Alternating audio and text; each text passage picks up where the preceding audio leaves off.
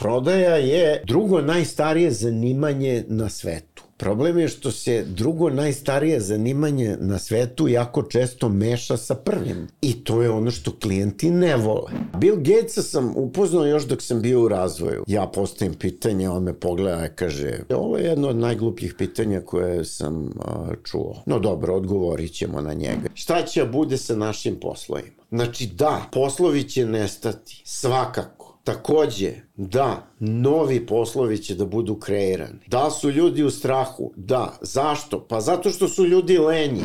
Dobiti bila nije jednostavan posao ali osobe koje drže vrata do bila su njihove sekretarice kupim buket zovu, buket zovu, pošaljem, posle par dana stiže mail, pa Dejane, pa ovo se ne dešava, šta god da ti treba, javi se. Živim u kapitalizmu. Poenta kapitalizma je kupovina budućnosti. Znači, cena akcija nije vezana za to koliko firma zarađuje na današnji dan Cena akcije je vezana za potencijal koji ta firma ispoljava tokom sledećih 5 do 10 godina. Dolazimo mi sa Đinđićem na sastanak i prolazimo pored Gatesove kancelarije 5 minuta pred sastanak ali u papučama, kratkim pantalonama i majici. Do presvuku se tako što je došao u kaki pantalonama i u tege džemperu i ima ta slika. Potreban ti je poslovni račun u inostranstvu, Pionir ima rešenje za to. Bez obzira da li se nalaze u Americi, Aziji ili Evropi, klijenti ti veoma brzo jednostavno mogu platiti lokalnim bankovnim transferom i to u valuti koja njima odgovara. Zaboravi na beskrajnu papirologiju i uz brzu online registraciju otvori račun u regionu gde su i tvoji klijenti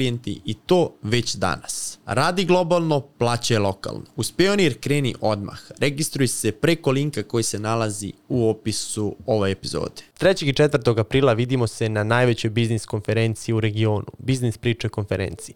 Preko hiljadu preduzetnika na jednom mestu, dva dana, radionica, predavanja i druženja, imaćete priliku da vidite neki od najpoznatijih gostiju podcasta i još mnogo toga. Karte su u prodaji na sajtu Biznis Priče. Neko skaliranje, dalje, dalje neki ono level up. Tako ćemo da krenemo. Prije za to. Apsolutno, da, da. Učite iz grešaka. Biznis Priče. Dobrodošli u najgledaniji biznis podcast u regionu. Ja sam Vladimir Stanković. Danas u gostima čovek neverovatne karijere, neko ko je proveo 30 godina u Microsoftu na raznim rukovodećim pozicijama, od razvoja do prodaje, Dejan Cvetković. Dejane, dobrodošao u Biznis priče. Hvala, bolje vas našao. Da, je, da si znao da kažeš R, ne bi bilo ni ove najave, možda bi bilo u nekom drugom kontekstu, ali bio bi glumac. Uh, Pa sad, da li bi bio glumac ili ne i kakav bi glumac bio, ne znam. U svakom slučaju, moj brat je glumac. A, ja sam hteo da idem njegovim stopama, a, međutim nisam znao da kažem R. A, I on je rekao da je to velika prepreka. No, ja sam, dakle, hteo onda da odem na kameru, pošto sam se bavio fotografijom, išao sam na prijemnite 85. godine, bio sam sedmi, primali su pet, a, ljudi oko mene su bili razočarani, ja sam bio iskreno, kažem, srećan tim rangom i odlučio sam da godinu dana kasnije ponovo probam. Međutim, tokom tih godinu dana bio sam uspešan na ETF-u i onda sam nastavio na ETF-u i završio ga te 91. A pre toga si završio matematičku gimnaziju? Pre toga matematičku gimnaziju, tako je. I taj, da kažem, uh, evo, baš sam juče držao predavanje u matematičkoj gimnaziji. Te dve godine u matematičkoj gimnaziji su napravile da uh, moj put kroz ETF bude onako, što bi se reklo, walk in the park, pogotovo prva godina gde ništa novo na fakultetu nisam naučio i onda sam odlučio da eto tu ostanem. I zaboravio kameru. Te smo danas ovde, zajedno pričamo, kažem, i o razvoju, i o prodaji, tehnologiji, mnogim stvarima. Šta si hteo tada da budeš ETF? Završavao si, šta si video, gde si video sebe? Vidi, uh, upisao ETF 85. SFRJ u najvećem naboju investicije u tehnologiju, institut Mihajlo Pupin, jedan od najjačih u Evropi i u svetu, ako hoćeš. Um, hteo sam da se bavim elektronikom. Diplomirao 91. zemlja u haosu. kraj, gotovo, raspad sistema. Odmah sam otišao u softver, jer je tu bilo posla. Radio sam za Energodatu. Najveći klijent bila Subotička banka. A, puno vremena provodio u Subotici. Sjajan posao, mnogo naučio. Plata čitavih 80 dm mesečno. Noću švercuješ benzin, zaradiš 100 dm za noć. A, međutim, onda se shvatio da tako ne ide i zajedno sa ekipom sa ETF-a mi zapalimo za Kanadu a, u januaru 93. godine i tamo smo bili Zašto baš otišli. Kanada? Pa vidi, a, a, Kanada, Australija, Novi Zeland su u to vreme bile jedine tri države koje su legalno primale imigrante. I ti kad imaš background, kao što je elektronika ili software, a, verovatnoća dobijanja visiljeničke vize je 100%. A, ja sam se prijavio za sve tri zemlje, kanadska viza je stigla prva, ja sam već bio u Kanadi kada su me zvali iz ambasade, novozelandske ambasade, a, da, da idem na razgovor. Tako da je, da kažem, silom prilika bila Kanada, a, mi smo sletili u Toronto krajem januara 93 divan grad na minus 29, rekli smo nećemo ovde da živimo, a kad smo već tu idemo do Vancouvera i onda smo a, moji kumovi i ja ostali u Vancouveru a, i svi smo napravili karijere. Je ja bilo se, posla tada na prvu? Koliko je trebalo da dođete do prvog posla? Pa znaš kako, a, tada nije bilo interneta, nego otvoriš novine, Vancouver Sun i, i čim otvoriš novine ti shvatiš da ćeš da ih pobediš. Toliko ima posla za sosteraše da to stvarno nije bilo normalno, čak i u to vreme. A, shvatili smo svi da ćemo imati sjajne poslove i to se i desilo. Znači, a, ja sam došao u Vancouver u februaru 93. Počeo sam da radim u Microsoftu krajem aprila 93. I ostao. Je li to bila prva želja tada kad si listao? Pa ne, nije bila prva želja, a, zato što nisam našao oglas za posao za Microsoft. Ja sam već imao dva druga posla kad me zvao agent i rekao, jel hoćeš da radiš u Microsoftu? I ja sam rekao, san svakog software inženjera je da radi u Microsoftu, tako da Koliko je tad Microsoft imao zaposlenih? Pa bilo je oko 5000 a, na severnoameričkom kontinentu. Sada ukupno u svetu ima oko 200.000, 190.000. Dobio posao u Microsoftu. Kako je Microsoft tada izgledao? To je 93. godina. Um, vidi, uh, jedan od korena uspeha te firme je promena. Uh, ja kažem, danas uh, evo iz, iz Microsofta sam izašao skoro pre godinu dana i uvek sam govorio ono što isto je ime firme i moja email adresa. Uh, čak i logo drugačiji. Uh, Microsoft je bio sasvim jedna drugačija firma 93. godine. Ali ja kao software inženjer imao sam svoju kancelariju, što je bilo neverovatno. Imao sam hardware na raspolaganju, kakav sam hteo. A, imali smo sve u tom okruženju, samo da što više radimo, tu sedimo, ne izlazimo iz kancelarije. A, ono što je ključno je što da je mogućnost učenja na poslu bila neverovatna. Znači ja sam imao neku podlogu iz energodate, a, ali ono što sam tamo naučio za dva meseca nakon što sam dobio posao u svoj toj želji da zadržim posao je bilo više nego bilo šta sam naučio na fakultetu tokom perioda od pet godina ili tokom godinu i po dana a, u energodati. A, interakcija sa ljudima iz celog sveta, taj diversity a, koji je Microsoft i taga, tada negovo i neguje danas, je jedna od ključnih stvari za uspeh, jer ta stvar dovodi do o, jednog dijapazona različitih ideja, brainstorminga tih ideja i prihvatanja najboljih ideja. Um, tako da eto, to je bilo okruženje koje me na neki način fasciniralo i držalo u toj firmi 30 godina. Na kom se projektu tada radio kad si A, krenuo? Microsoft Exchange, znači prvi email server, a, ja sam bio zadužen za klijentski deo, odnosno za, za bazu podataka na klijentskom delu a, i taj klijentski deo zvao se Inbox, to je bilo pre Outlooka, je bio a, deo operativnog sistema Windows 95 koji je izbačen onda u avgustu 95. godine. I ja sam tada rekao u avgustu 95. godine izašao je Windows 95 koji je do kraja 95. godine imao 4 miliona korisnika i svaki od tih korisnika je koristio moju DLL biblioteku a, i onda sam eto tako sav bio ponosan na to. To je jedan od mojih da kažem najvećih stubova u Microsoftu, taj DLL u Windowsu 95. Kasnije si iz razvoja otišao i u consulting i u prodaju. Kako je izgledala ta promena? Posle koliko vremena?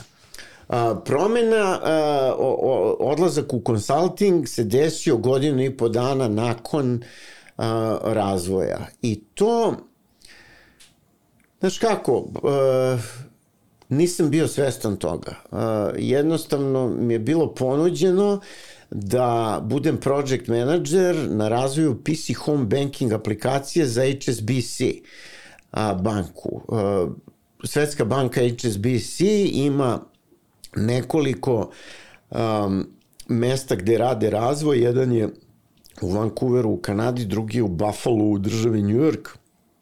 Tako često sam putovao um, između ta dva centra, ali sam i dalje radio tehnički posao. Dakle, radio sam tehnički konsulting na razvoju PC Home Banking aplikacije.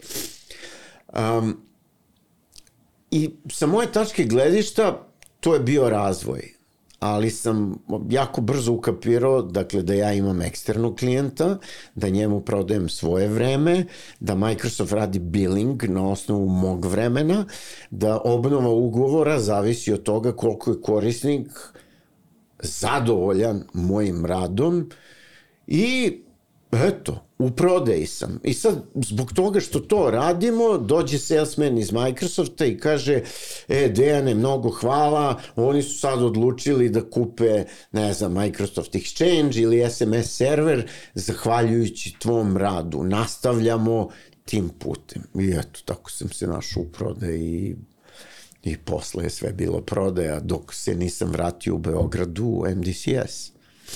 To je dosta vremena, dosta da. vremena prošlo, a zanima me taj period i prodaje i trenutak, imao si priliku tu da upoznaš Bill Gatesa, Da, Bill Gatesa sam upoznao još dok sam bio u razvoju. Znači, mi smo jednomesečno, ta ekipa u Vancouveru, sednemo u kola, vozimo za Seattle dva i po sata, imamo briefinge oko razvoja exchange sa Billom. I to je, da kažem, bilo sjajno. Ovako, to ti je jedan round table gde sediš sa njim, on sluša pitanja, odgovara, imate neke arhitektonske diskusije, ja postavim pitanje, on me pogleda i kaže, Dejan, De, Dejan, Dejan, Dejan, ok. Kaže, ovo je jedno od najglupljih pitanja koje sam uh, čuo no dobro, odgovorit ćemo na njega i da odgovor. I ja tu onako potonem, a posle mi ekipa kaže, vidi, on to svaki put kaže, a kad kaže to, to znači da te je slušao. Da to nije rekao, to znači ne bi ni čuo pitanje, ne bi ni odgovarao na njega, tako da se ne sekira. I to je bio, da kažem, prvi kontakt sa Bilom. A tokom um, svog rada u prodeji, s obzirom da sam radio u Vancouveru, ja sam veliki broj klijenata iz Kanade vodio u uh, taj executive briefing centar u Redmondu.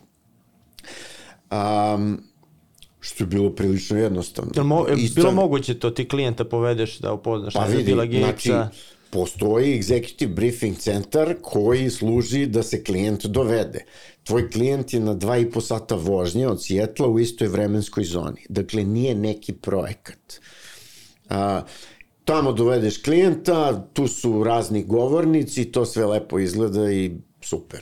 E sad, bila je stvar za govornika dobiti ili Bill Gatesa ili Steve Ballmera. Steve Ballmer je tada bio Chief Executive Officer. Bill Gates je već postao predsednik kompanije i dalje je radio u kompaniji. Um, Kako si dobiti, to uspeo? dobiti Billa ili Steva Ballmera a, nije jednostavan posao, a, ali a, osobe koje drže vrata do Bila i Balmera su njihove sekretarice. Ok? I uspostaviti odnos sa sekretaricama je bila ključna stvar. Um, bio je taj neki sastanak sa premijerom British Kolumbije uh, negde 98. 99. godine uh, kada smo mi dobili Geca i Balmera na osnovu titule čoveka koji dolazi iz Kanade. I ja sam direktno ugovarao posetu i briefinge sa sekretaricom.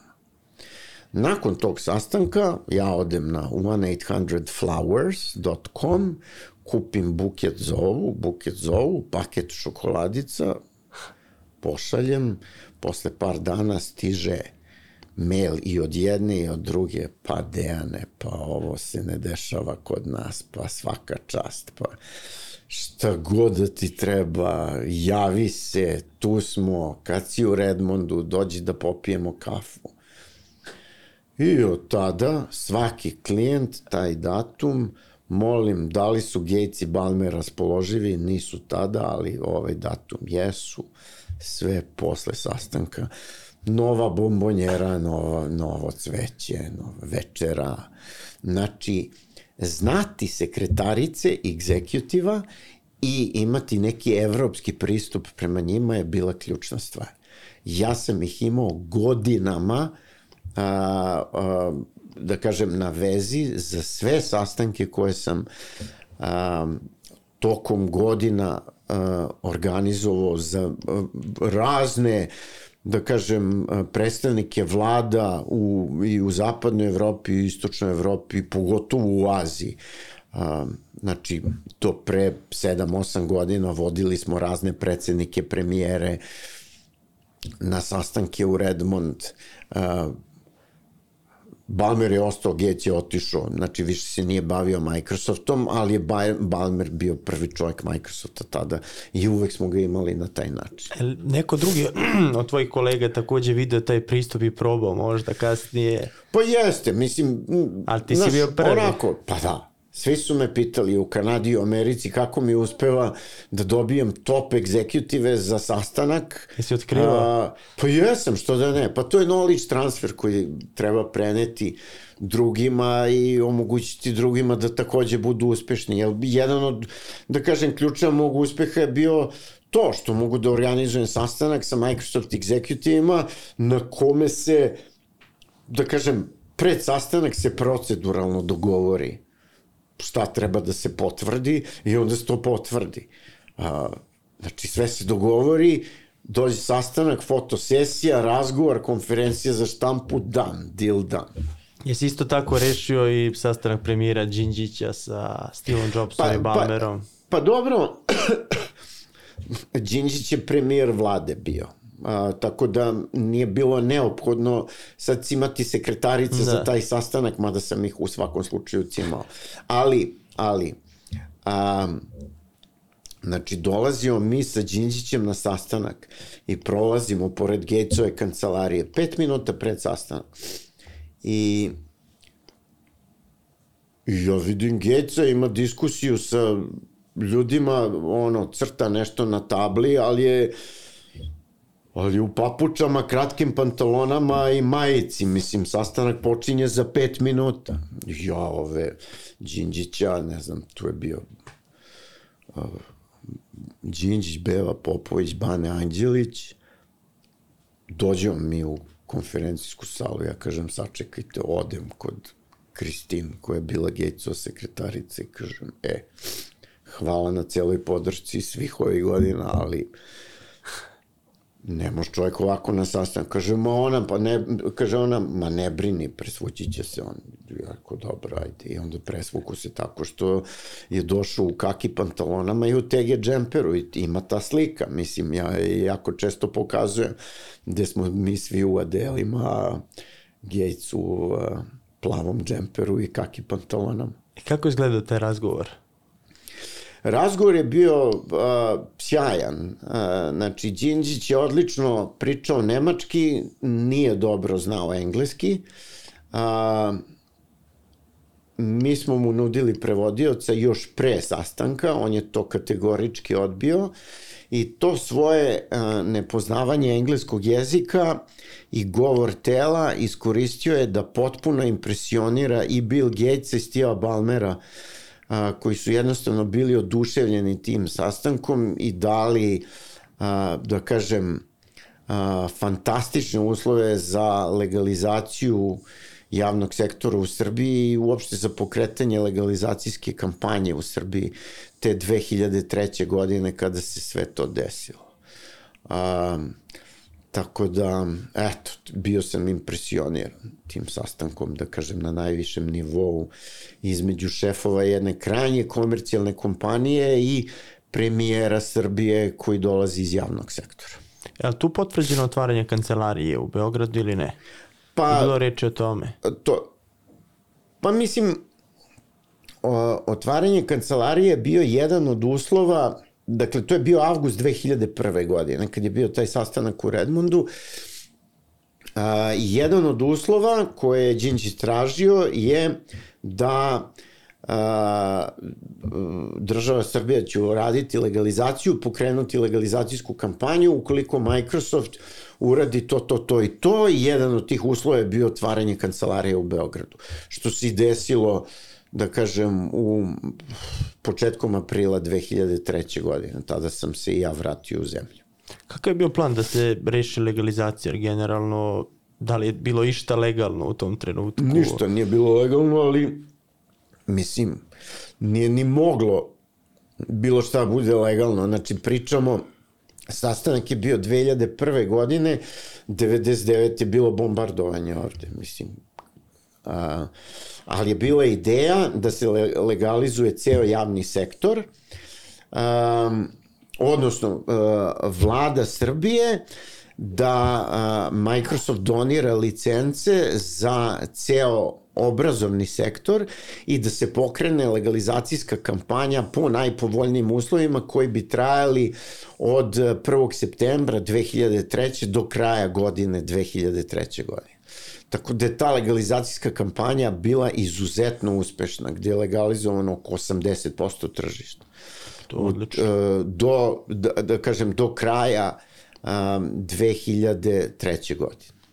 To su odlični rezultati. Jeste, to, i na osnovu toga smo mi u Srbiji, barem što se tiče komercijalnih rezultata, prestigli i Sloveniju i Hrvatsku krajem 2003. godine. I to je bila jedna od podloga a, na osnovu koje smo a, moj kolega Bodin Drešević i ja otišli u Redmond i tražili budžet za vaspostavljanje razvojnog centra Microsofta u Beogradu. Šta je bila tu ideja? Otišli ste tamo, tražili budžet, kako je to izgledalo?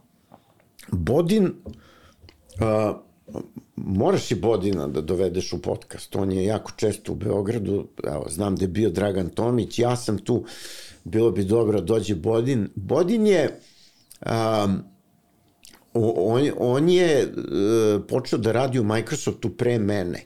I drugi email koji sam ja dobio u toj firmi u aprilu 93. godine je bio od Bodina.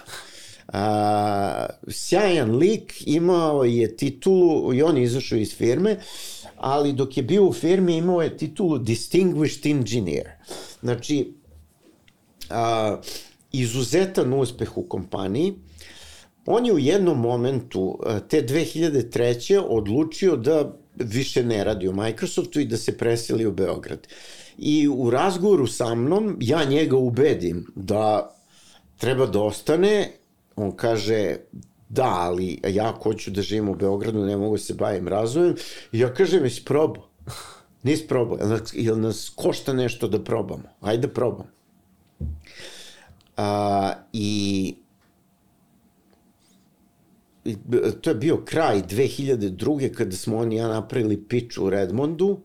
A, ideja je bila da se krene sa skupljanjem primera rukopisa za tablet PC. Tablet PC je tada bio, da kažem, hit proizvod Microsofta, posle je propao. Um, da, da se krene sa skupljanjem primjera rukopisa u Beogradu za sve istočnoevropske jezike. E, tako smo krenuli. I sa inkrementalnim budžetom uh, mi smo napravili razvojni centar, sećam se, u, naša prva kancelarija je bila u Makedonskoj ulici, bila soba gde, za pušače.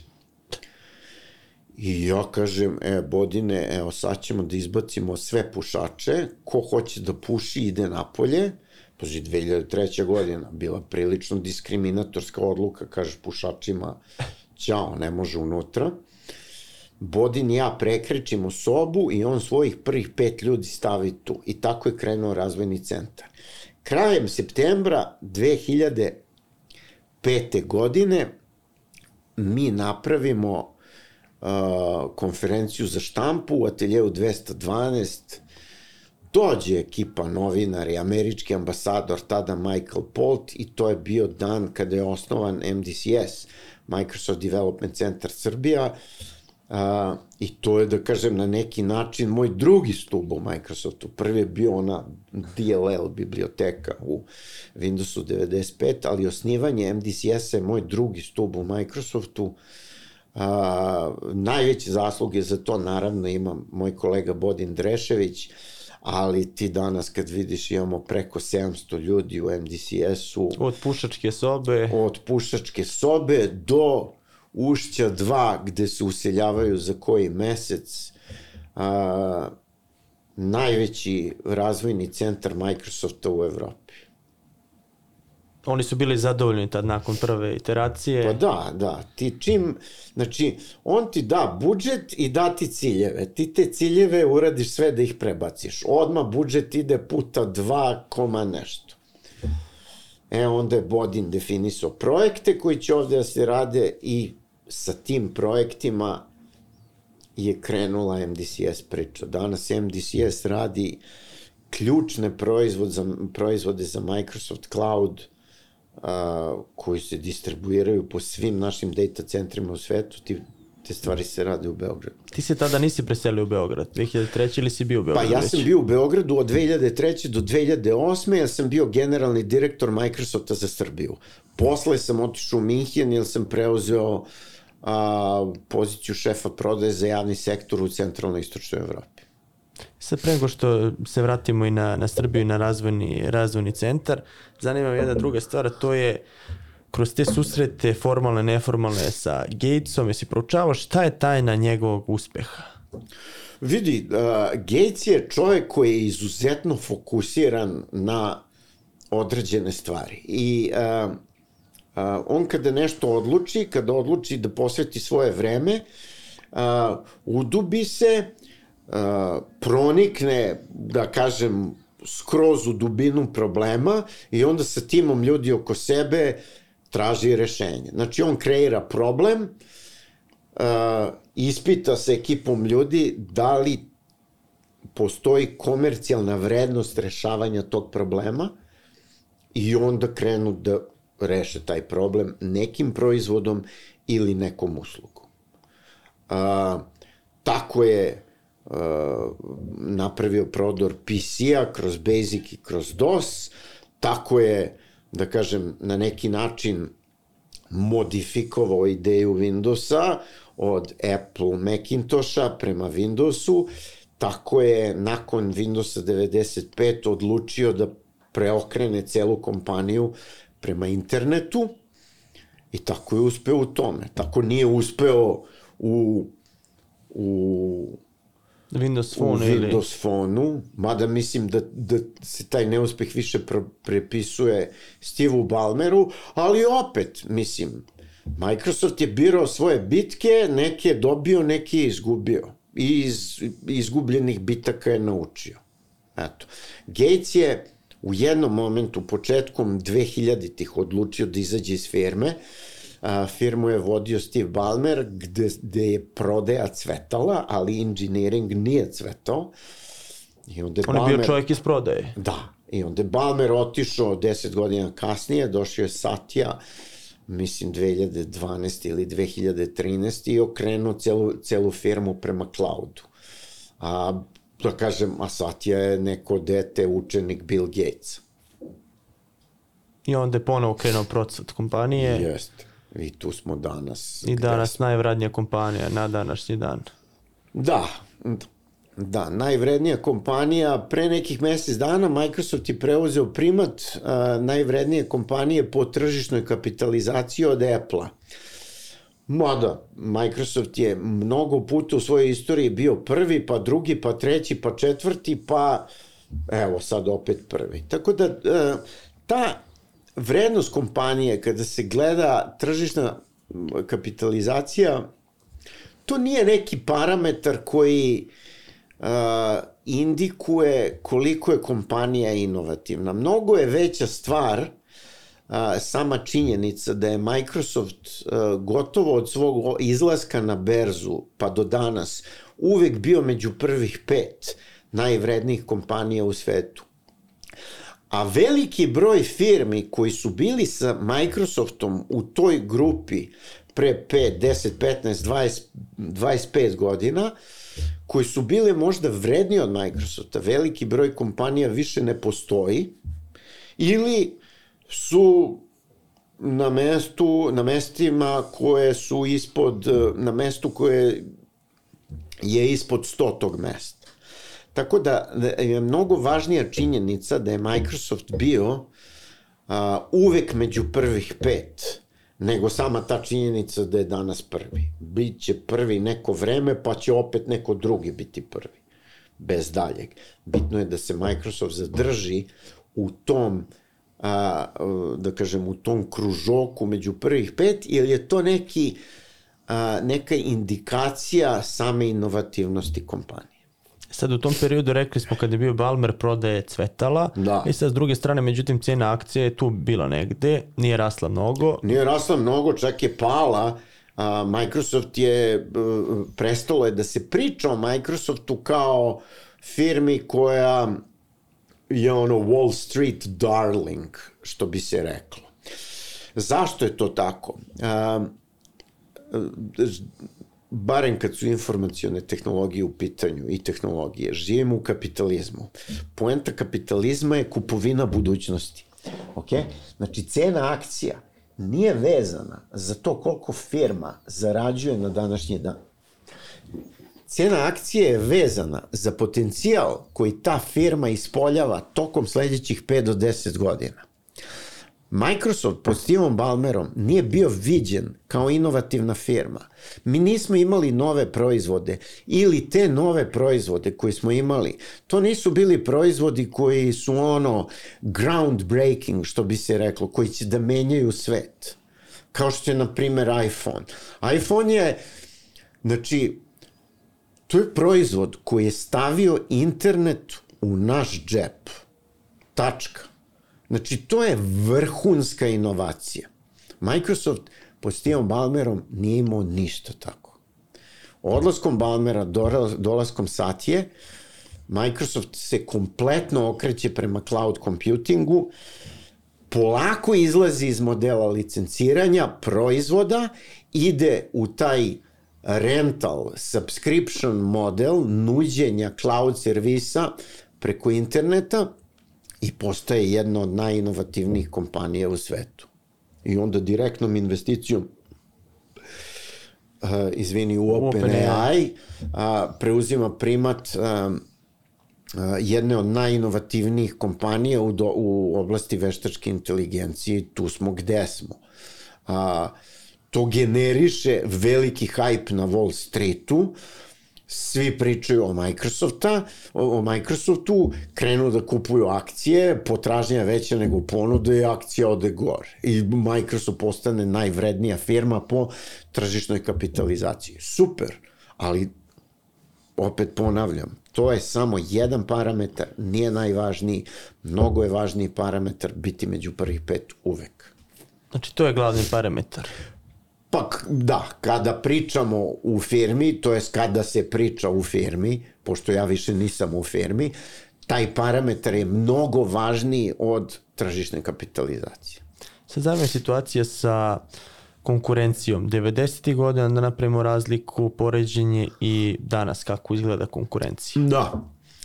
Vidi, a, danas je situacija mnogo bolja. Znači, 90. godina, ja kažem, to je bila krv do kolena. A, firme su bile Microsoft, Netscape, Oracle, Sun Microsystems, IBM. Znači, ta vrsta antagonizma između tih kompanija je bila bukvalno je izgledalo kao rat. A, ko je najviše patio zbog toga? Najviše su patili naši korisnici. O nekoj interoperabilnosti između Microsoftovih proizvoda i Oracle proizvoda nije bilo reči. Bio Oracle za Windows NT, tačka. To je to. Znači, ta vrsta razmene kvalifikacija između Bill Gatesa, Larry Ellisona, Scott McNeilija, Larry Ellison je tada bio CEO Oracle, Scott McNeil je bio CEO Sun Microsystems. Taj antagonizam, to, to se danas ne vidi u, u srpskim medijima na političkom nivou. Ok? Neverovatno. Danas, ko su konkurenti? Microsoft, Google, Amazon Web Services. Znači, žestoka konkurencija između njih, sjajna kooperacija između kompanija. I to je nešto što smo mi u kompaniji nazvali competition, gde sa jedne strane imaš competition, s druge strane imaš cooperation. Znači, a, Pa, ajde, neću da kažem, Microsoft je u jednom momentu investirao oko 150 miliona dolara u Apple, ali Microsoft nikad nije investirao u Google, ali ti danas na Androidu najpopularniji alat za produktivnost na Androidu je Microsoft Office. I to je takođe jedna od stvari koje Satya Nadella doveo u Microsoft, gde, gde je firma prestala da proizvodi proizvode samo za Windows, nego radi za sve ostale platforme.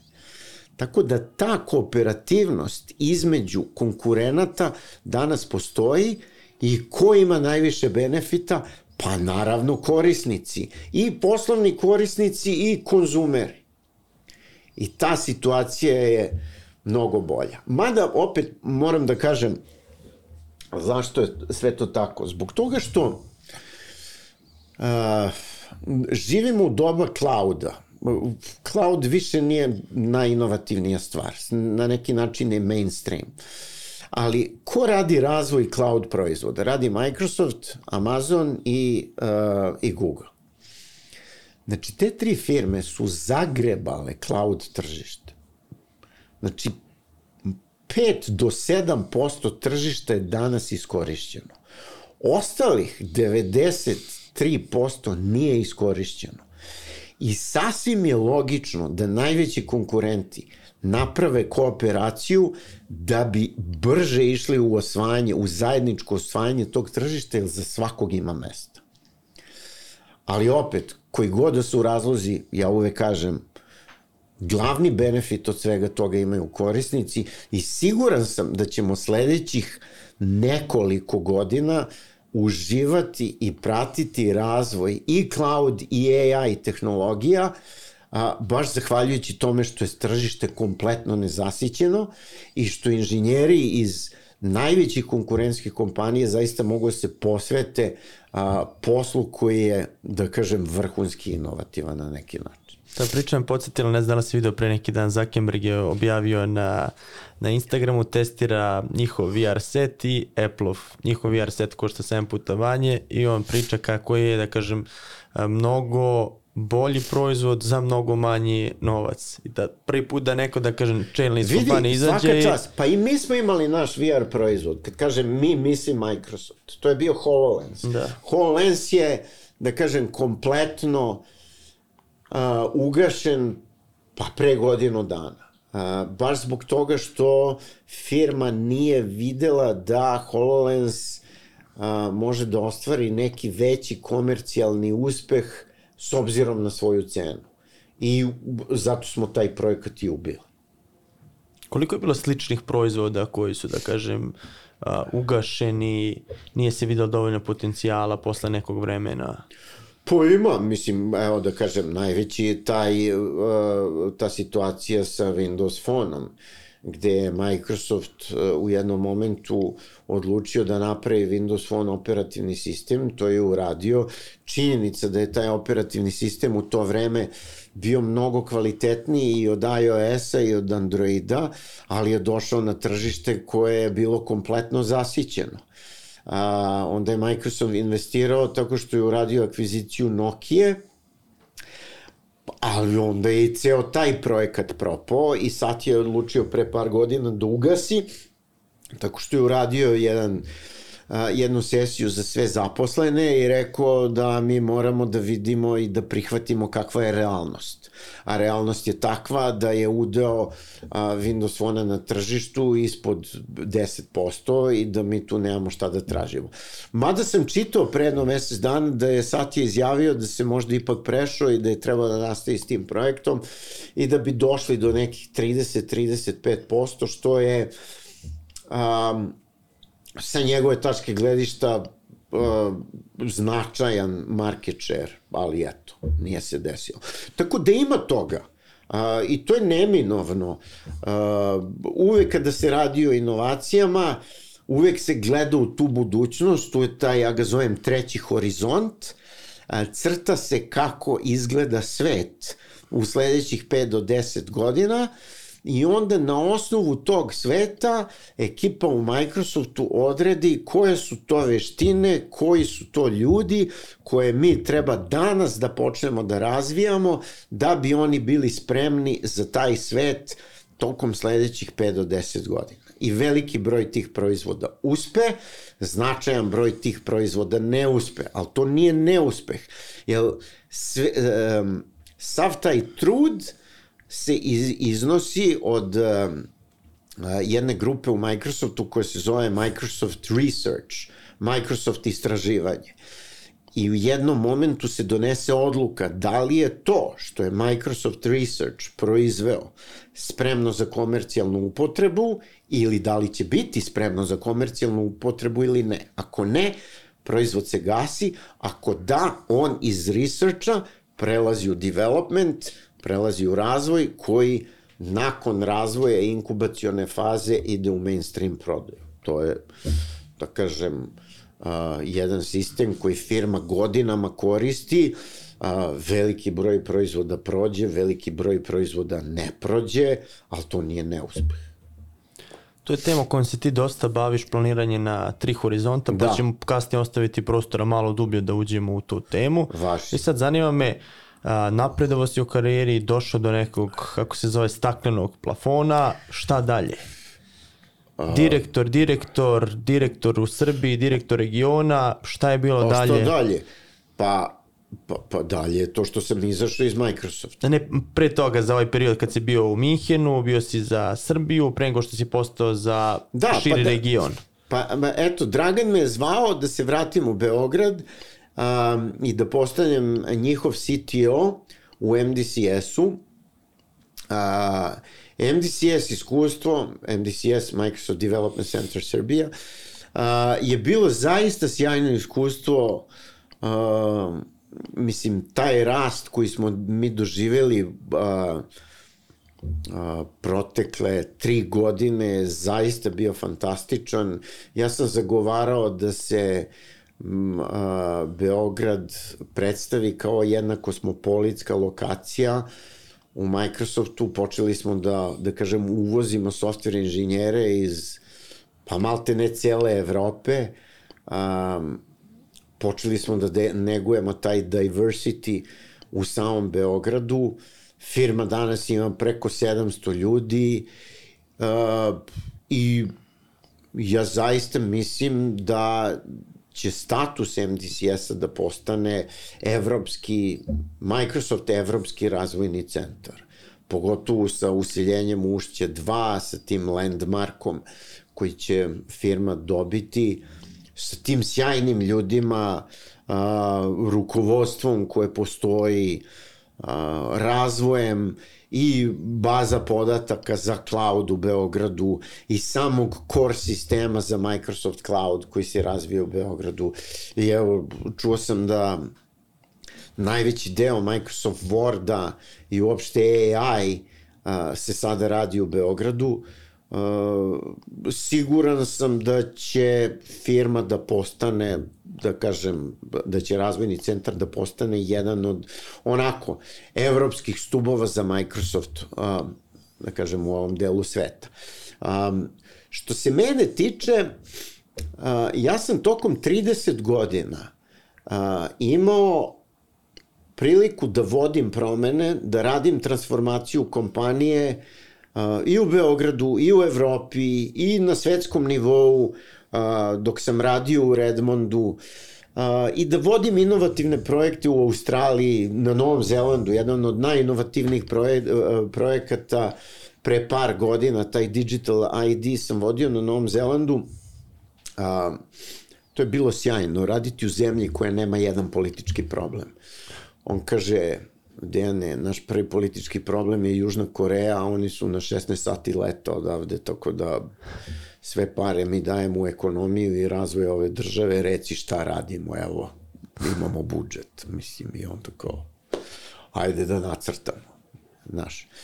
A, tako da sam to, tokom tog vremena vodio promene u firmi. A onda je došlo vreme da kažem sebi, e sad ja treba budem deo promene. Dosta je bilo 30 godina.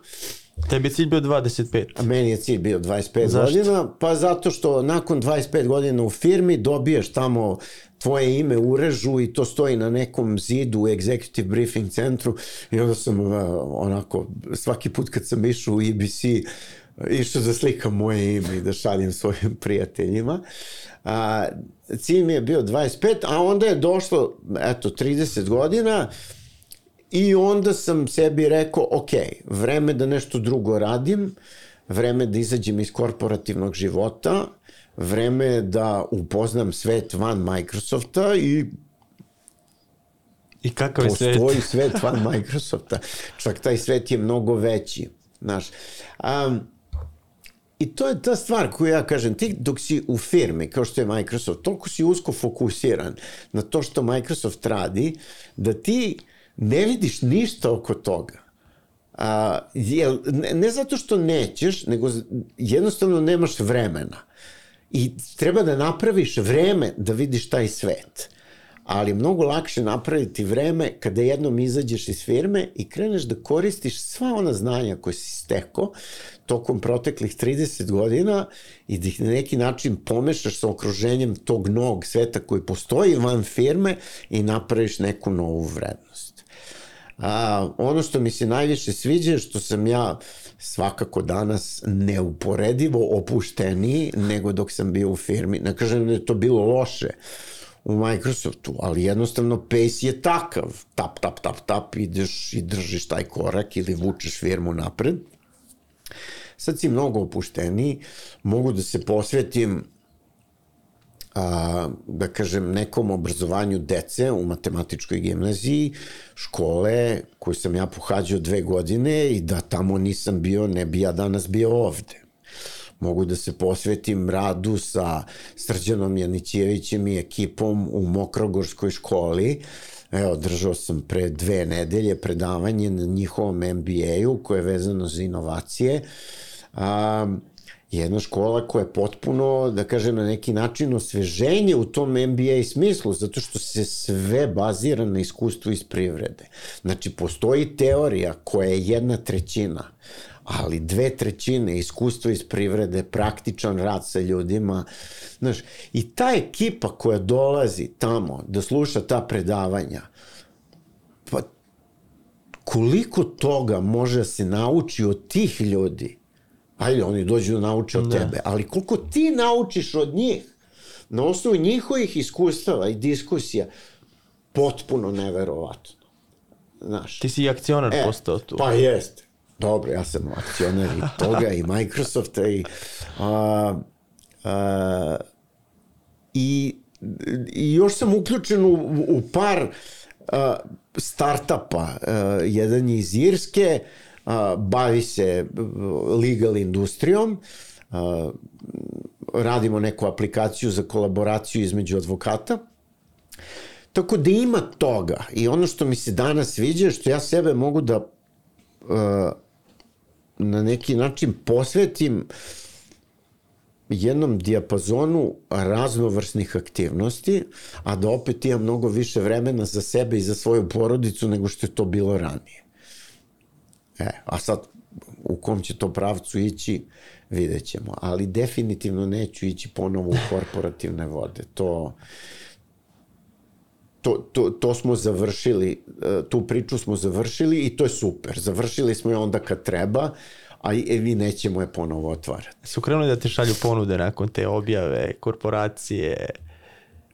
Pa imam ja stalno ponude, e, ali znaš, ja hoću da se posvetim nečemu što je stvarno transformaciono, inovativno i gde mogu da kreiram neku novu vrednost.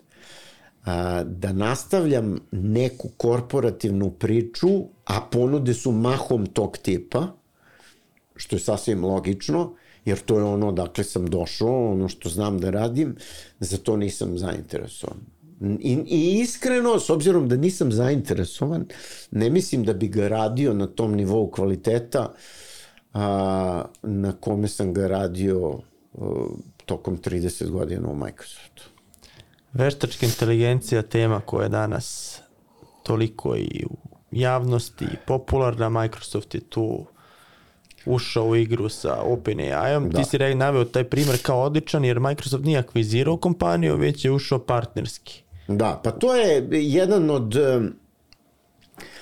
da kažem, a, proizvoda tog planiranja na tri horizonta koje je Microsoft uradio. Planiranje na tri horizonta za veštačku inteligenciju smo mi radili 96. godine, izvini, 2016. godine u firmi. A, gde je Microsoft izvršio analizu impakta koji artificial intelligence može da uradi na sledeće industrije. Na retail, na manufacturing proizvodnju, financial services, dakle na bankarstvo i na osiguranje, vlade, obrazovanje i healthcare. Tih šest industrija. Definitivno je zaključak bio da moramo da imamo ključnu ulogu u oblasti veštačke inteligencije. I tad je bilo pitanje da li tada investirati u ljude koji će da rade AI proizvod nakon pet godina ili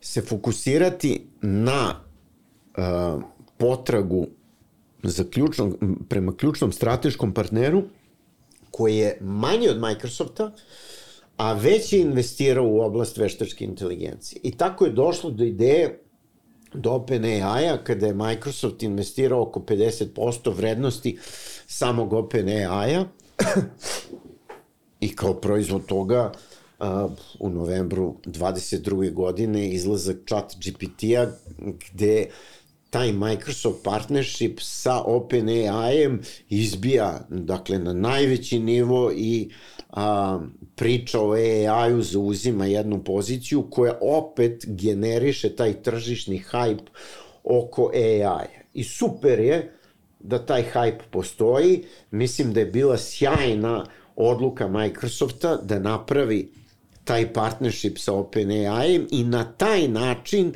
da kažem, prestigne svoje konkurente, mada prestizanje konkurenata nije bila ključna, ključni milestone. Taj milestone se desio samim tim partnershipom, ali eto, desio se. A, zašto AI a, je do, doživljava takav razvoj? Zbog toga što se AI se bazira na ogromnoj raspoloživoj količini podataka u vezi svega. A, ta ogromna raspoloživa količina podataka je moguća zato što se danas sve radi u cloudu.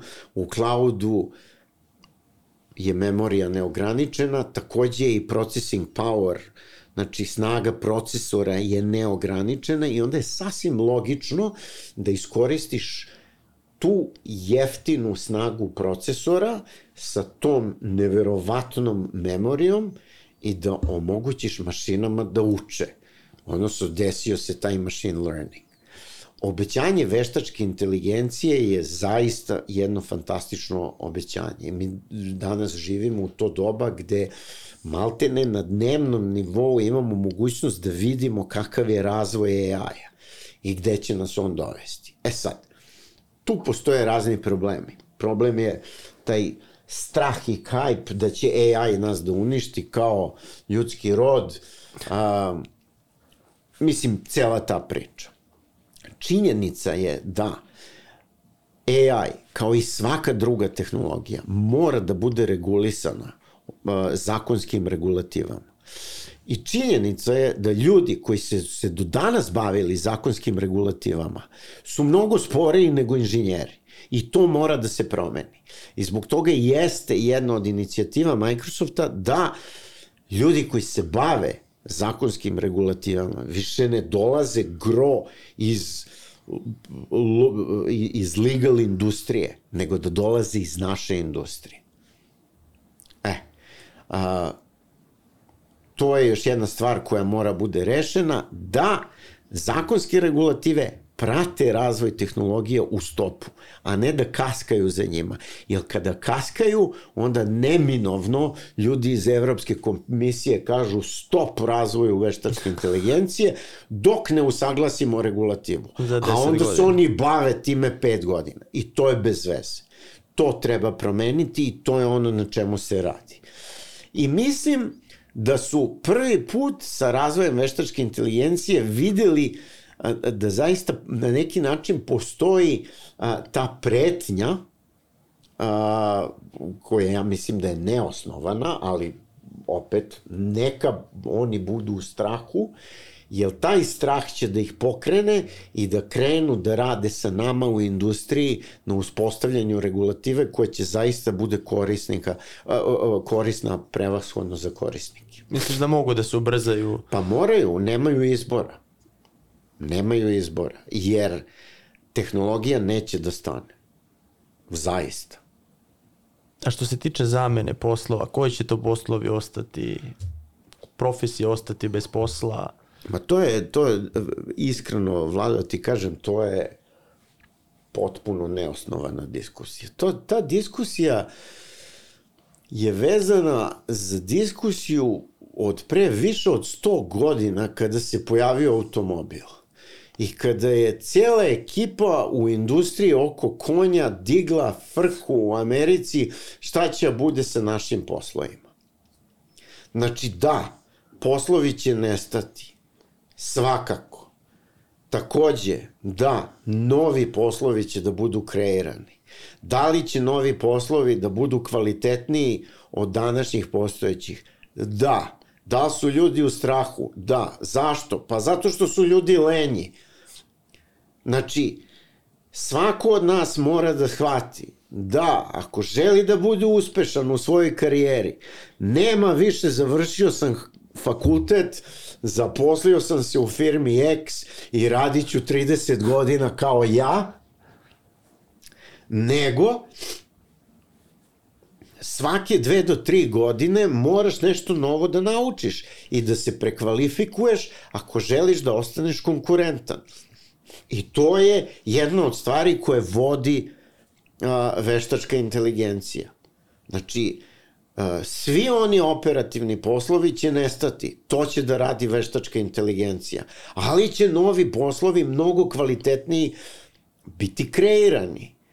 Šta znači mnogo kvalitetniji? Pa, zahtevaće ljudski mozak na onom nivou na kome veštačka inteligencija ne postoji. I to je tako. I onda će iz svega toga da izađe neka nova vrednost.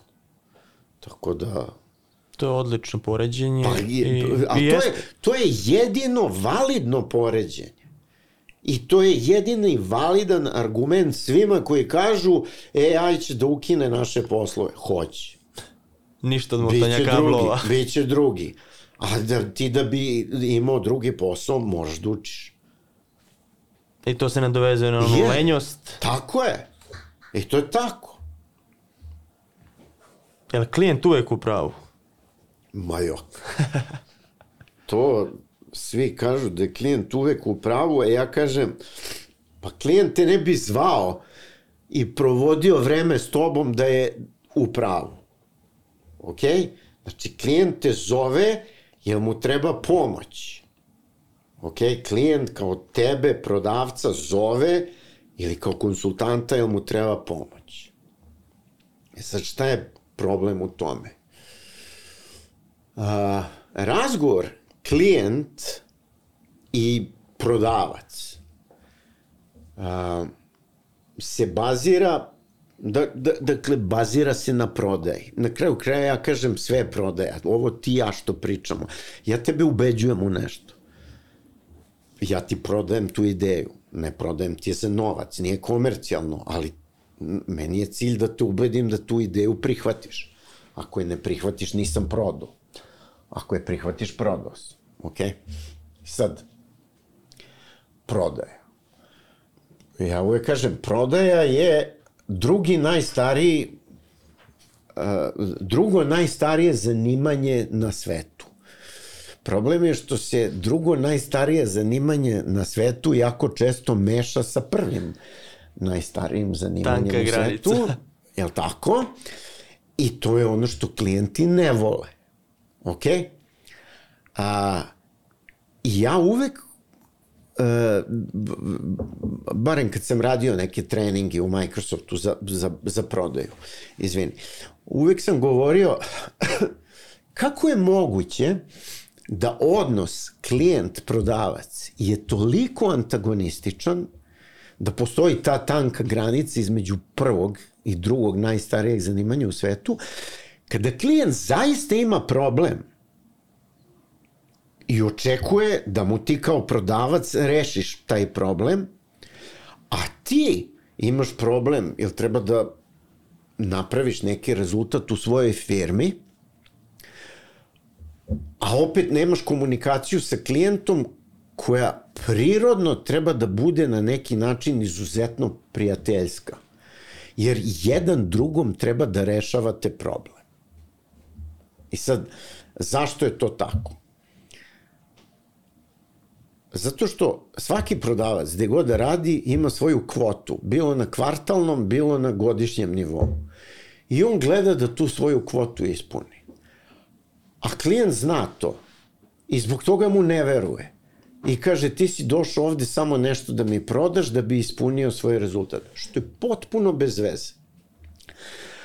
A onda prodavac gleda klijenta i kaže, o, klijent je uvek u pravu. Zašto? Pa zato što ako nije u pravu, on onda neće da kupi od mene. Što je potpuno pogrešno. Znači, klijent nije uvek u pravu, nego prodavac mora sasluša klijenta, da živi sa njim dan, dva, tri, sedam dana, mesec dana, da razume njegov poslovni proces, da stekne poverenje, da klijent onda kaže, vidi ovaj ne živi u svojoj firmi, nego živi kod mene. Znači, on je iskonski zainteresovan za moj problem, da počne da mu veruje. Jer samo tada će klijent da se otvori i da kaže, e, ovo mi je bez veze. Ovo mi ne funkcioniše. Ovaj tip u mojoj firmi mi podmeće nogu, ne da mi da uradim ovo. Moj šef dobra je duša, ali ne kapira ove stvari. Znači, samo u toj situaciji klijent će da se otvori i tu će da bude u pravu, zato što će da bude iskren prema prodavcu, odnosno konsultantu. Sad ova priča se spakuje u jedno predavanje, to je takođe jedno od predavanja koje držim, odnosno koje ću tek da držim ovde na našim prostorima, ali a, to je ta filozofija koju ja želim da promovišem na našem tržištu gde klijent nije u pravu, klijent ima vreme, odlučuje da to vreme investira tako što će tebi kao prodavcu ili konsultantu da objasni svoj problem i od tebe očekuje da ti predložiš rešenje koje će za klijenta onda bude ili prihvatljivo ili neprihvatljivo.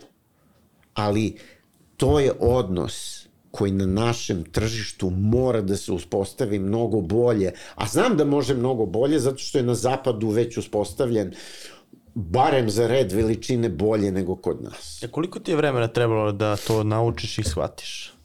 Pa vidi, e, vremena. Nije to stvar koliko ti vremena treba. Stvar je koliko vremena posvetiš svom klijentu.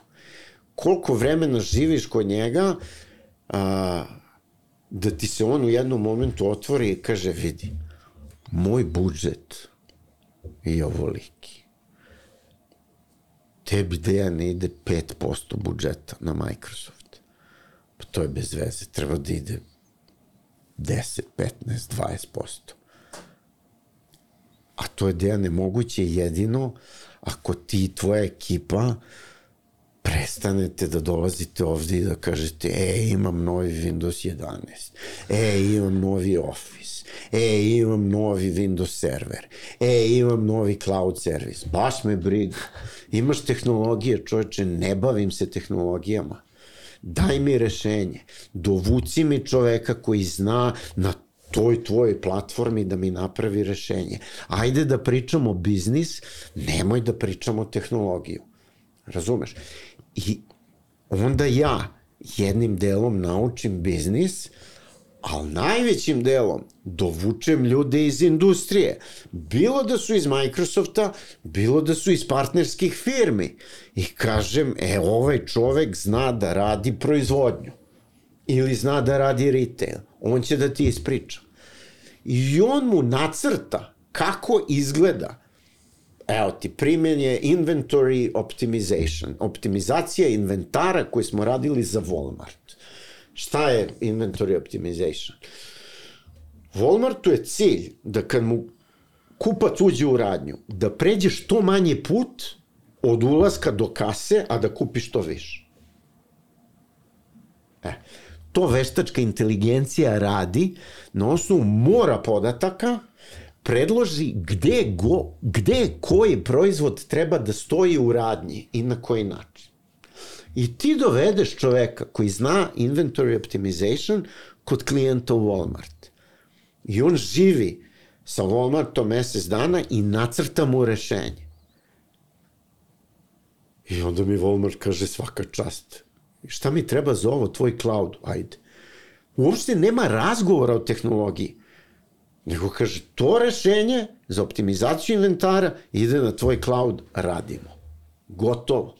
E, tako se postiže poverenje, tako se klijent otvori i tako dođe do biznis priča, a ne do tehnoloških priča.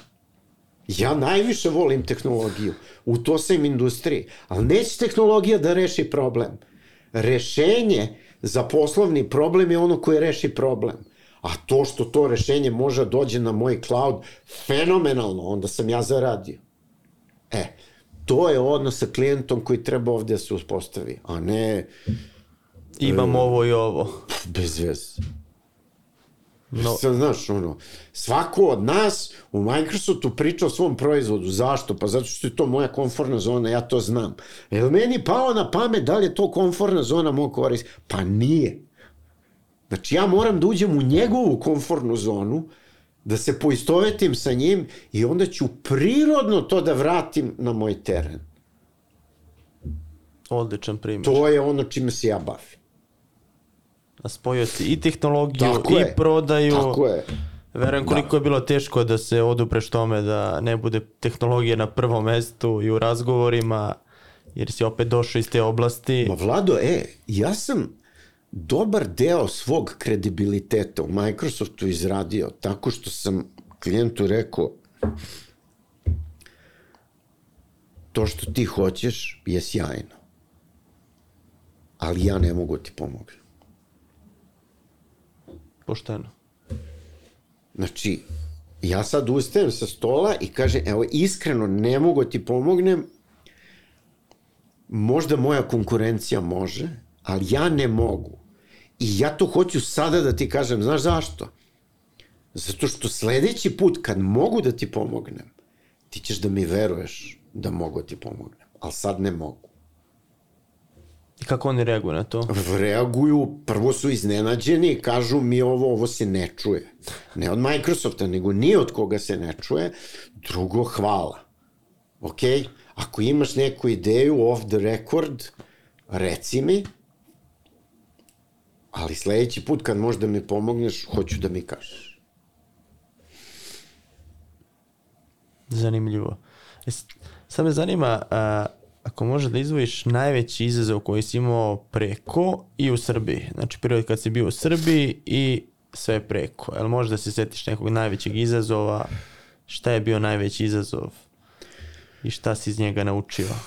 Uh, Verujem da ih je bilo mnogo. najveći izazov u Srbiji je bila neću da kažem koja je to vlada i neću da kažem koje je to godine bilo, ali radili smo pregovor sa vladom Srbije oko obnavljanja ugovora s Microsoftom.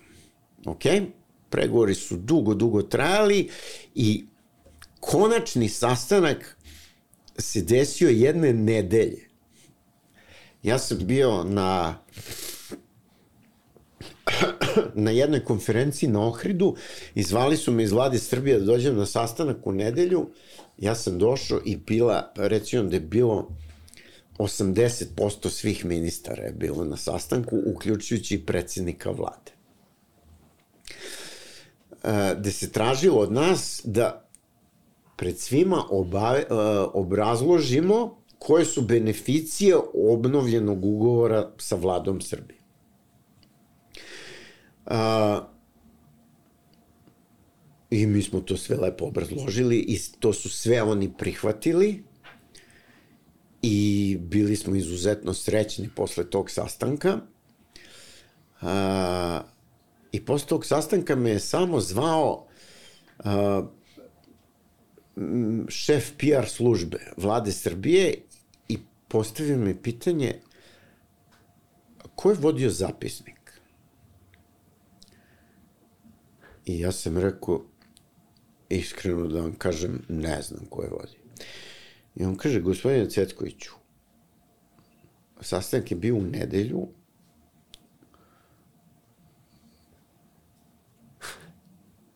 ako vi ne znate ko je vodio zapisnik, ako se taj zapisnik ne postoji, to je kod da se taj sastanak nije desio. I sledeća dva, tri dana sam ja proveo onako obliven znojem. A, ali je nakon a, sastanka, dakle u sredu te nedelje stigla potvrda da je sve u redu i onda smo taj ugovor obnovili. A recimo da kažem da sam taj dan bio a, ko na iglama, šta sam naučio iz toga?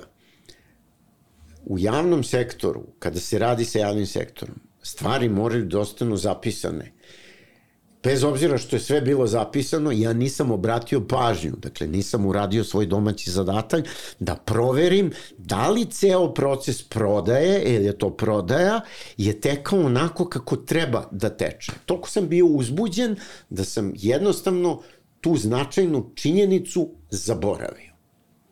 I recimo sam izgubio par kilograma tokom tih a, par dana. A što se tiče inostranstva, pa baš taj projekat sa HSBC-em, kada smo radili PC Home Banking aplikaciju, gde ja e, kao konsultant dolazim sa prodavcem na konačan sastanak oko ugovaranja. Gde klijent HSBC kaže, HSBC kaže, ok, u periodu od sledećih šest meseci moramo da imamo PC Home Banking aplikaciju, jer želimo da budemo prvi na tržištu. Pazi, to je 96. godina. Internet je u povodu, u povoju. Internet, to su web stranice, to nisu internet aplikacije. Znači, aplikacije isključivo online. PC, modem, server.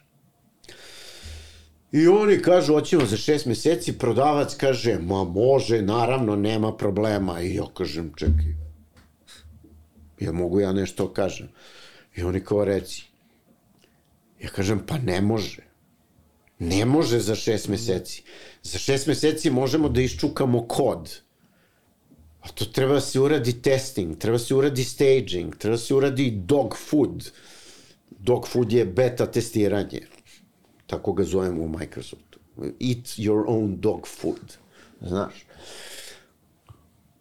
I onda prodavac ljut na mene, kako si mogo, propašće nam prodaje. I, i, I klijent kaže, ok, onda ne radimo s vama. Ja kažem, dobro, ne radite s nama. U Microsoftu ljuti na mene, sti normal, ja tad ni, imao sam ispod 30 godina. Kaže, kako si mogo to da kažeš, pa izgubili smo deal. Banka dođe dva meseca posle toga kod nas i kaže radimo sa vama, jel može za godinu dana? Ja kažem ne može, može za godinu dana plus dva meseca, jer smo toliko izgubili. Za sve. Ali urade s nama. A, eto, na primer, to je, da kažem, jedna lekcija gde Pa ne, to, mislim, osetio sam interni ožiljak u firmi, jer su me svi razapeli u Microsoftu zato što je zbog mene propao deal, a na kraju krajeva nije propao. Dobro Ali je inicijalno. Za tu fiskalnu godinu je propao deal i ja sam kao bio kriv zbog toga. Ok, kriv sam. Šta? Dajte mi otkaz, nisu mi dali. Zanimljiv primjer. Eto, te dve situacije. Zanima me sad tržište IT tržište, otkazi, rekao si da je to normalna stvar posle nekog perioda, imali smo velika zapošljavanja za vreme pandemije. Da, da. I da, da ne postoji sad kriza na IT tržištu. Ma ne postoji nikad. Mislim, a, imali smo velika zapošljavanja. A, što kaže Satjana Dela, pandemija, COVID pandemija je za dva meseca sprovela digitalnu transformaciju u svetu na način na koji mi nismo uspeli tokom proteklih pet godina. Jer svi su odjednom bili u panici, šta ćemo da radimo, i svi su odjednom prešli na Zoom, na Teams, na cloud. Jer je to bio jedini način da se nešto radi. Ok? I zahvaljujući tome, krenu da skaču akcije i odjednom ima para u IT-u. Pošto ima para u IT-u, koje ćemo nove projekte da radimo, to su ovi projekti. Ok? Ko će to da radi? Jo, nema dovoljno software inženjera. I krene panično zapošljavanje software inženjera svuda po svetu. I tu se naduva balon do te mere da je u jednom momentu taj balon mogao da puk, morao da pukne. Zato što sve te investicije nisu bile opravdane prihodima koji su došli. Ti prihodi su bili veliki, ali nisu opravdali veličinu investicija koje su se desile. Da akcije krenu da padaju, nema para u IT-u i velike firme krenu da otpuštaju ljude. Normalan ciklus. Normalan ciklus. Normalan ciklus. Ima jedna pozitivna stvar iz tog ciklusa. Ja znam tamo u Sijetlu, znači čovek radi u firmi, ima sjajan posao, ode kod konkurenta na intervju, intervju je online, jer je pandemija, dobije ponudu od druge firme, dođe u svoju firmu i kaže, jel vi ovo plaćate ili ja idem? Tako da se odjednom napumpala kompenzacija software inženjera svuda u svetu. E onda kad su krenula otpuštanja, onda je sve to vraćeno tamo gde treba da bude. I tako i treba da bude. Tako da, investicioni ciklusi su uvek sinusoidni. Mislim da smo bili na dnu, mislim da sada to opet ide žestoko uzbrdo, što je super, opet kreću inovacije, opet kreće razvoj, zapošljavaju se ljudi i opet kreće taj novi inovativni ciklus koji je potkrepljen sa jedne strane razvojem veštačke inteligencije i tu idemo dalje. Kako će to dalje da ide? Neminovno ide na gore, neminovno će opet da ide na dole jednog dana. To je sasvim normalno. Ja sam to mnogo puta video u IT industriji za 30 za, godina. Za 30 godina. Koja je bila najveća kriza sad kad pogledaš sve pa, te krize? Pa ona koju sam ja ovako žestoko doživao je kriza u septembru 2008. godine koja je bila na neki način triggerovana real estate krizom u Sjedinjenim američkim državama, ali zato što su banke a, bazirale dobar deo fondova svuda u svetu na MBS-u, Mortgage Based Securities, a, onda je cela svetska privreda, da kažem, u jednom momentu potonula. Microsoft je tada imao free fall akcija, po ono, slobodan pad. Od recimo oktobra 2008. do nekog marta 2009. godine, to se nije, nije znalo gde će sve da stane. Jer svi klijenti su išli dole, čim klijent Normalno. ide dole, klijent nema budžet, ni za šta, pa nema budžet ni za IT, pa onda ne kupuje od Microsofta, pa onda Microsoftu padne prodaja, pa onda i mi svi padnemo, to je, to je tako, to je bila katastrofa. Da. Preživeo si, preživeli ste Jeste, mnoge tada, krize. Tada, pa da, tada, tada, tada sam, pošto sam ja tad vodio prodaju za javni sektor u centralnoj istočnoj Evropi, a centralno istočna Evropa, barem u IT, a, u IT smislu na zapadu počinje od Češke, a završava se sa Mongolijom. Ok, to je da. Central and East Europe. Tako da sam se ja posvetio Mongoliji, Kazahstanu, Uzbekistanu, Tadžikistanu i ti, svim tim stanovima koji nisu uopšte bili afektirani finansijskom krizom, tako da sam, da kažem, prebacio gro svog posla na taj deo sveta i na neki način uh, a, doveo do toga da preživim i ja i moj tim. A kako je tu bila ko komunikacija? Drugi svet i prodaje komunikacija? To je priča za sebe, potpuno. To je... Koje godine su a... oni krenuli, da kaže, s tim stvarima, legalizacijom, ono što smo mi 2003. Pa, ja sam sa njima radio od 2009. do 2015. žestoko. Onako. Ali to je, da kažem, znaš kako, legalizacija softvera dovodi do nekog potpisivanja ugovora. A, dovodi do PR-a, dovodi do sastanka u Redmondu sa Microsoft executivima. Ali poenta legalizacije treba da bude da jednog dana ti proizvodi krenu zaista da se koriste. A ne da stoje u kutijama na ormanima i da ih niko ne koristi, jer je jedini način da IT napravi neki upliv i napravi neki boljitak, bilo za javni, bilo za privatni sektor, je da se ljudi obrazuju da koriste taj softver i da se onda zaista koristi i u javnoj upravi i u, jav, i u privatnom sektoru. E, to je bilo izuzetno teško. Uh, na tržištu Istočne Evrope. Ili je svima bilo bitno da urade legalizaciju i da naprave PR, a korišćenje manje više. Eto, to je bio jedan od najvećih izazova. Zašto je to za mene izazov? Pa zato što ja želim da obnovim taj ugovor. Jer ako se taj software ne koristi, ja dođem Nema posle tri godine i on kaže, čekaj, šta sad? Pa smo se legalizovali pre tri godine, šta sad hoćeš? To je to. E, i onda je bio cilj naterati ih da to koriste, Zato što kad vide vrednost tog softvera, e, onda će da vide vrednost i novih verzija, a onda nove verzije su a, deo novog obnovljenog ugovora. E, to je bio izazov. Znači, resurse u tim zemljama koji su dovoljno voljni da se obrazuju, da oni zapravo vuku IT razvoj. Je, jer ja nemam resurse, ja ne mogu kroz Microsoft da posvetim ljude edukaciji a, lokalnih korisnika. Koje su to knjige koje su ostavile utice na tebe? A, Neke ima, koje bi preporučio? E, znači, pisac se zove Stan Slap, ok? Um, I left my heart in the conference room B. Ok?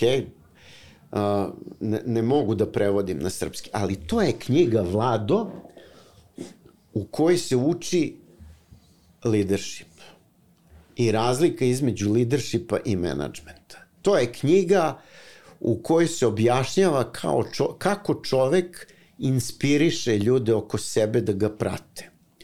To je knjiga koja priča o tome kako moraš da dozvoliš ljudima da bez straha probaju nove stvari, um, jer samo kad probaju nove stvari, pa ili uspeju ili ne uspeju, a ako ne uspeju ne budu kažnjeni, nemaju strah da stalno probaju nove stvari. Jer ako imaju strah, ništa od inovacija. Nikad nećeš da imaš uh, nijednu inovaciju iz te firme. Uh, druga knjiga je Helping Clients Succeed od jednog indusa koji se zove Mahan Kalsa. Ok? To je knjiga koja te uči prodaji. To je knjiga koja, koja počinje sa tim da je prodaja drugi najstariji zanat na svetu. To je knjiga koja te uči kako da igraš tango sa korisnikom, a da ti blago vodiš taj tango, ali da mu omogućiš da te on prati izuzetno zadovoljan, da ne bude povređen njegov ego. I treća knjiga je Three Horizon Planning od uh, gospodina koji se zove Bill Sharple. Sad nisam siguran da uh, izgovaram njegovo prezime na na ispravan način, ali evo, ljudi će naći na Amazonu. Three Horizon Planning, znači taj gospodin je definisao planiranje kroz tri horizonta, kroz McKinsey, i to je firma i to je knjiga koju je Microsoft koristio za svoje planiranje i ja sam bio deo tog planiranja. Znači, to je knjiga koja te uči kako da tvoj core biznis koji danas postoji, nastaviš da ga radiš tako da ga stalno optimizuješ jer je on tvoj tekući izvor prihoda. Ali ti istovremeno uči da planiraš na osnovu znakova pored puta kako će sve da izgleda u sledećih 5 do 10 godina i da nacrtaš svoju firmu u tom svetu i onda da odrediš koji su to skillovi, odnosno veštine ljude koje moraš da imaš tada, a da kreneš da ih gradiš sada da bi tad bio uspešan. To je knjiga koja te uči zašto je Kodak propao. Zašto je Kodak propao? Firma, fantastična hemija oko filmova za kamere i za fotoaparate jednostavno ignorisali su dolazak digitalnih tehnologija. I više ne postoje. Postoji Kodak kao hemijska firma u Rochesteru. A, to je knjiga koja te uči zašto je Betamax propao, a VHS ga je uništio. Ne znam da li ljudi znaju šta je Betamax i VHS. Ne znam da li ti znaš. Znam kasete. E, dobro, kasete, video kasete. Znači ima masa firmi koje su propale zato što jednostavno nisu videle budućnost i bile su fokusirane na izvod prihoda koje imaju danas. I to je knjiga iz koje ti je jasno zašto je Microsoft tu gde je. Zašto je bio sposoban da se tokom perioda od 40 godina svaki put transformiše, kreira budućnost, kreira svoje tržište ili prati budućnost i prati tržište. A ima i proizvode i usluge koji su bili uspešni, ali koji su bili neuspešni. I nikad nije neuspeh ako iz neuspeha nešto naučiš. Iako to učenje primeniš sledeći put. Eto, te tri knjige bi izdvojio. Ima masa odličan iz izbor. biznisa, ali te tri knjige bi izdvojio. To su izuzetno laka čitanja uh, i bit će svakome korisna. I u poslu i u privatnom životu. Stavljamo ih na spisak. Dene, hvala što si bio gost Biznis priča, što smo pročešljali ovih 30 i kusur godina, posle, pre, Vlado, hvala tebi u svako doba. Ja se izvinjavam, malo sam prehlađen, ali nisam teo da propustim ovu priliku. Znam da je mnogo mojih kolega bilo ovde i svi su mi rekli moraš da ideš kod vlade svaka čast. Hvala. Tako da potpuno je, da kažem, sve te preporuke su opravdane i meni je bilo izuzetno veliko zadovoljstvo. hvala ti što si sve to podelio, pa se vidimo nekom drugom prilikom. Važi se. A mi se vidimo u Novom Sadu, 3. 4. april, najveća biznis konferencija, link se nalazi u opisu podcasta. Vidimo se.